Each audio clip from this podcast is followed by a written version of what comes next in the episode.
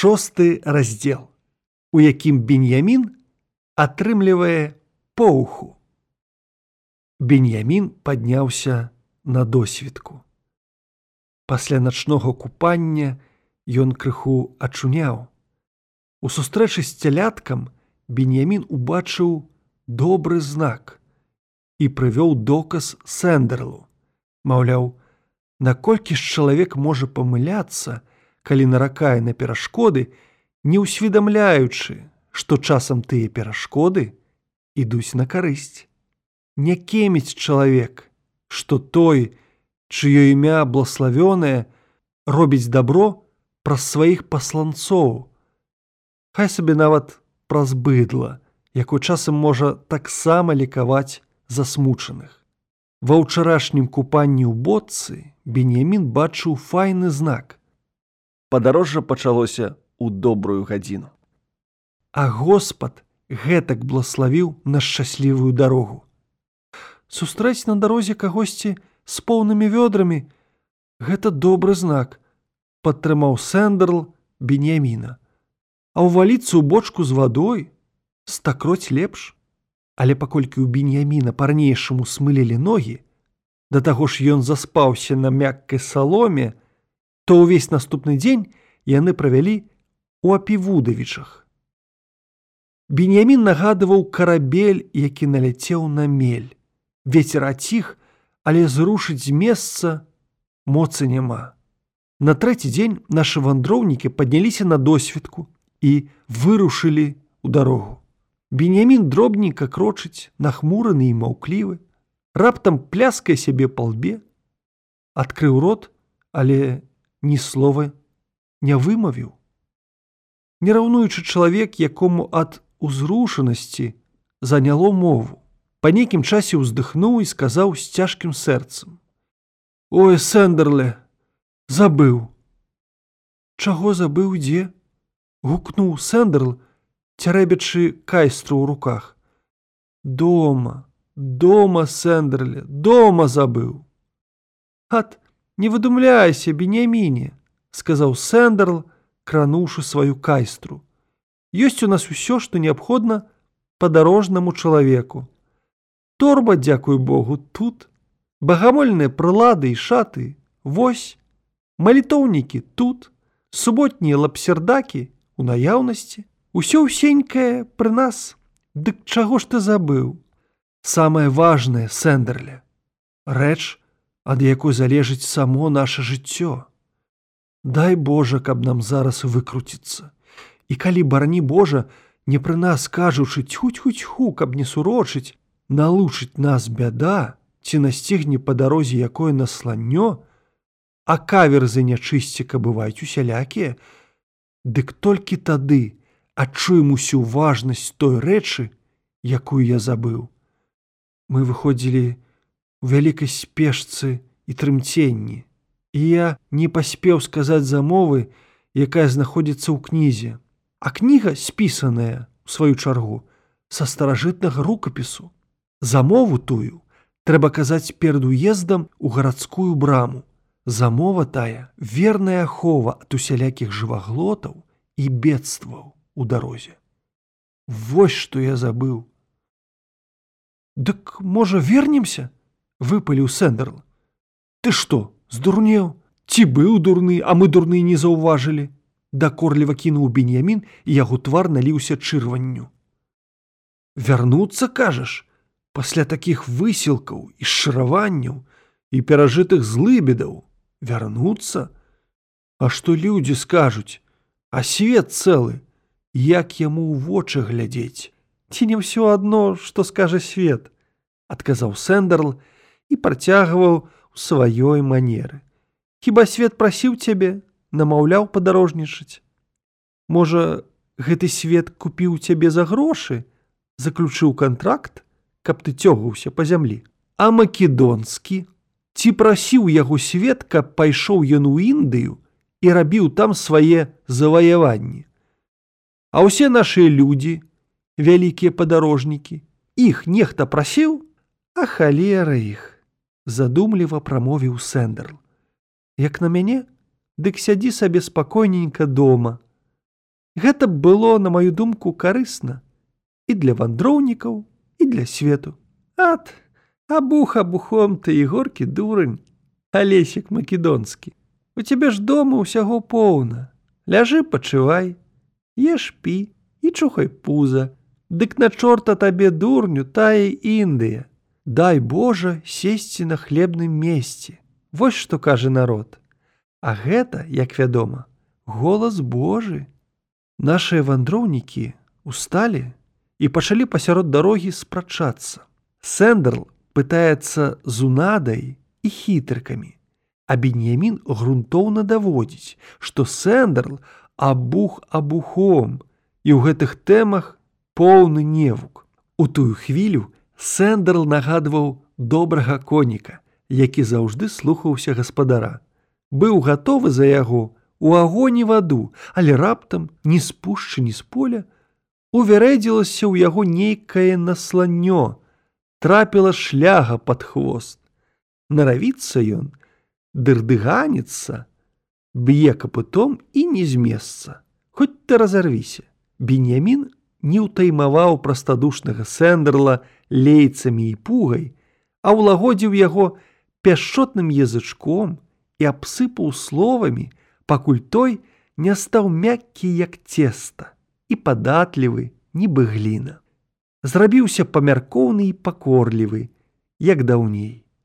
Сэндерл зноў важліва слухае выкшталцоную прамову беньяміна, маўкліва і сцішана. Урэшце открывае рот і прамаўляе: « Хочаш, маеш, мне што, шкада, так беньямін упакорыў сэндерла. Яны вярнуліся на дарогу. Шмат дзён яны валачыліся па ёй і з дапамогай таго, хто дае змораным сілы, прыйшлі у цемрава. Нашыя прыўкрасныя вандроўнікі ніколі ў жыцці не бачылі такога вялікага горада з такой колькасцю жыхароў, як у цемраве. Дык чаго здзіўляцца, што яны вочы вытрашчылі на гмахі камяніцы, аглядаліся загаломшанасцю і трымценнем. Па ўзбочыні ішлі на дыбачках. То бокам, то скокам крочылі іхнія ногі па брукаванцы, слізгалі па паверхні. Нашы вандроўнікі ступалі і цікавалі, ці не ўчынілі дзе іх ногі, якой шкоды барані даруй Божа. Местачковец са сваімі нагамі не цыркаецца. Нават у хаце яны пазбаўлены дотыку нармальнай падлогі. Гаспадар іх бязлітасна пагружае у вулічную слоту і халепу, пускае гаротных як свінею балота, месіць імі твань. Дык чаго здзіўляцца, што, адчуўшы пад сабой мулкі брук, ногі раптам зрабіліся кісельныя, ідуць на дыбачках і віхляюць, нібы п'яныя. Местачковыя ногі ты адразу пазнаеш паводле хады па брукаванай вуліцы, бо ступаюць яны зусім інакш, чым гарадскія. Нашы дармаедаўскія вандроўнікі старанна падымаюць ступакі. Са збыткоўнай паслужлівасцю саступаюць дарогу кожнаму мінаку. Так сэндерл хапаў беньяміна за фалду і спіхваў яго з дарогі. Гэтае пханне спрачынялася да таго, што сэндерл сутыкаўся з мінаком, які ішоў насустрач. Чалавек ідзе сабе і сутыкаецца з сэндерлам. Тады ён кідаецца ўправа, але сэндерл яго ўжо выперадзіў. Тут як тут перад ім. Тады яны абодва, не змаўляючыся, спрытна падаюцца налево і сутыкаюцца зноў. Адзін з мінакоў, якому зусім не спадабалася пускацца сэндерлам у такія скокі, схапіў яго аберуч і адштурхнуў на ўзбоч. Ажна ў сэндерла стрэсліся ўсе 245 нутраных органаў і ледзьве не для цела душа. Усё для нашых вандроўнікаў тут новае незнаёмае. Ім здаецца, што ўсе паказваюць на іх пальцам. Высачэзныя гмахі, фанабэрліва сочаць за імі, праводзячы вачыма высокімі вокнамі. Рапяць фурманкі, грукочуць кареты, вуліца віруе. Все злуюцца і наганяюць жуды. Гукаюць ім услед. Басота горкая, ёлупы, жабракі, гультаі. Падаецца мне Беньяміне, прамовіў сэндерл, узняўшы галаву і багавейна вылупіўшыся на высозную камяніцу. Падаецца мне, што тут нешта накшталт Стамбула. Але ж ёлупень, параўнаў цемрава са Стамбулам, вышчарыўся Беньямін так, нібыта Стамбул яго родны горад. У Стамбуле даўбежка 5500 бульвараў, на кожным бульвары 5500 дамоў, кожны по 15-20 паверхаў. І ў кожным доме жыве 5500 чалавек. Калі ты думаеш, што на гэтым усё, дык ты моцна памыляешся. Акрамя бульвараў, у Стамбуле ёсць вулкі, завулкі, завуголлі, праезды, тупікі, пярэспы, слабодкі. Іх там што пяску ў моры. Ай-яй-яй, загукаў Сэндерл, уражана ківаючы галавой. Які размах, Божа злітуйся, але беньяміне, просам прашу, скажы мне, як паўсталі такія вялікія гарады. Які вецер сагнаў людзей у адно месца, каб яны так стаўпіліся і сталі жыць у высокіх дамах адно ў аднаго на галаве. Так нібыта свет з камароў пуп, і зямлі навокал не стае. Відаць, гэтаму ёсць некае тлумачэнне. Здаецца, я чуў ад нашых старцаў у сінагозе, што душа чалавека расце з неба, а таму ўсё жыццё чалавек імкнецца туды, прастае крылы, ды лезе вышэй і вышэй. Мой язык не ходзіць гладка. Не магу я дакладна пераказаць іхніх думак. Каб ты, беньяміне ведаў, і калі я памыліўся, не здзекваўся з мяне. Я просты чалавек і мудрасцям не вучыўся. Дык што кажуць твае навукоўцы на гэты конт беньяміне? Ці не натрапіў ты на якое тлумачэнне ў сваіх навуковых кнігах? Паводле навукі, сказаў бенямін, падцяўшы вусны як вучань выдатнік, мацаючы сябе за кончык барады і працягваючы казаць. З гэтыя нагоды я ўжо казаў прамову за печкай, і тут яе паўтараць недарэчна. А да таго ж твой розум кароткі, каб асягнуць яе. Але ж скажу. У гмары ёсць пра 10 мер прыгажосці свету, і 9 з іх належаць аднаму гораду. А ў бібліі пішацца, бо зямля напоўнілася ад іх зладзействамі. Словы гэтыя надта глыбока думныя, Але я ўсё ж зраблю намаганне патлумачыць табе трошки. Ты ж чытаў трохі біблію сэндерл. Калі так, дык памятаеш, што былі плямёны сыноў ноевых. Яны рассяліліся народамі па зямлі пасля потопу, зрабіліся качэўнікамі. І што яны зрабілі? Сабралася ўсё чалавецтва ў адно месца і сталі рабіць цагліны, і будаваць горад высокімі мурамі да неба. І што Господ усімагутны на гэта? Пасеяў сярод іх гармідар і прыўнёс разлад ва ўсе іх дзеі, каб не разумеў чалавек мовы свайго блізкага, каб узгадавалі варажнечу і адасобіліся і рассеяліся па ўсім белым свеце. Але грэх сыноў ноевых, чуеш, не знік да звання. Прага ўціскаць адно аднаго засталася, як ашаленства, ды жаданне лятаць па небе. А таксама будаваць дамы, як вежы па-ранейшаму хочацца, грахі нашы цяжкія. Абрагам, наш бацька, які быў вялікі праведнік, сказаў свайму швагру лоту: « Што ты да мяне ўсё ліпнеш? Нашто твае пастухі лезуць да маіх?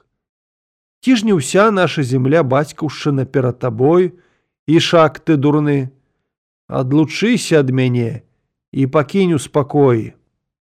Не паспеў бенемін адказаць, як накінуўся на яго сэндерлам нейкі фурман, які ехаў за імі і ледзь не сцебануў іх пугай. Ён замахнуўся ёй, закрычаў і стаў праклінаць іх. Ах вы дармаеды, что паўзёце як ракі і заступаеце дарогу. Горло крывое, вылупкі смярдзючыя. Нашы вандроўнікі хто куды, не раўнуючы мышы, што хапянулі атруты. Сэндрал пабег і наткнуўся на слуп, ды плазам аблёг на зямлі. Беньямін пабег і сутыкнуўся з гандляркай, што несла ў руках кош з яйкамі. Яйкі разбіліся і абляпілі таго густой жыжай.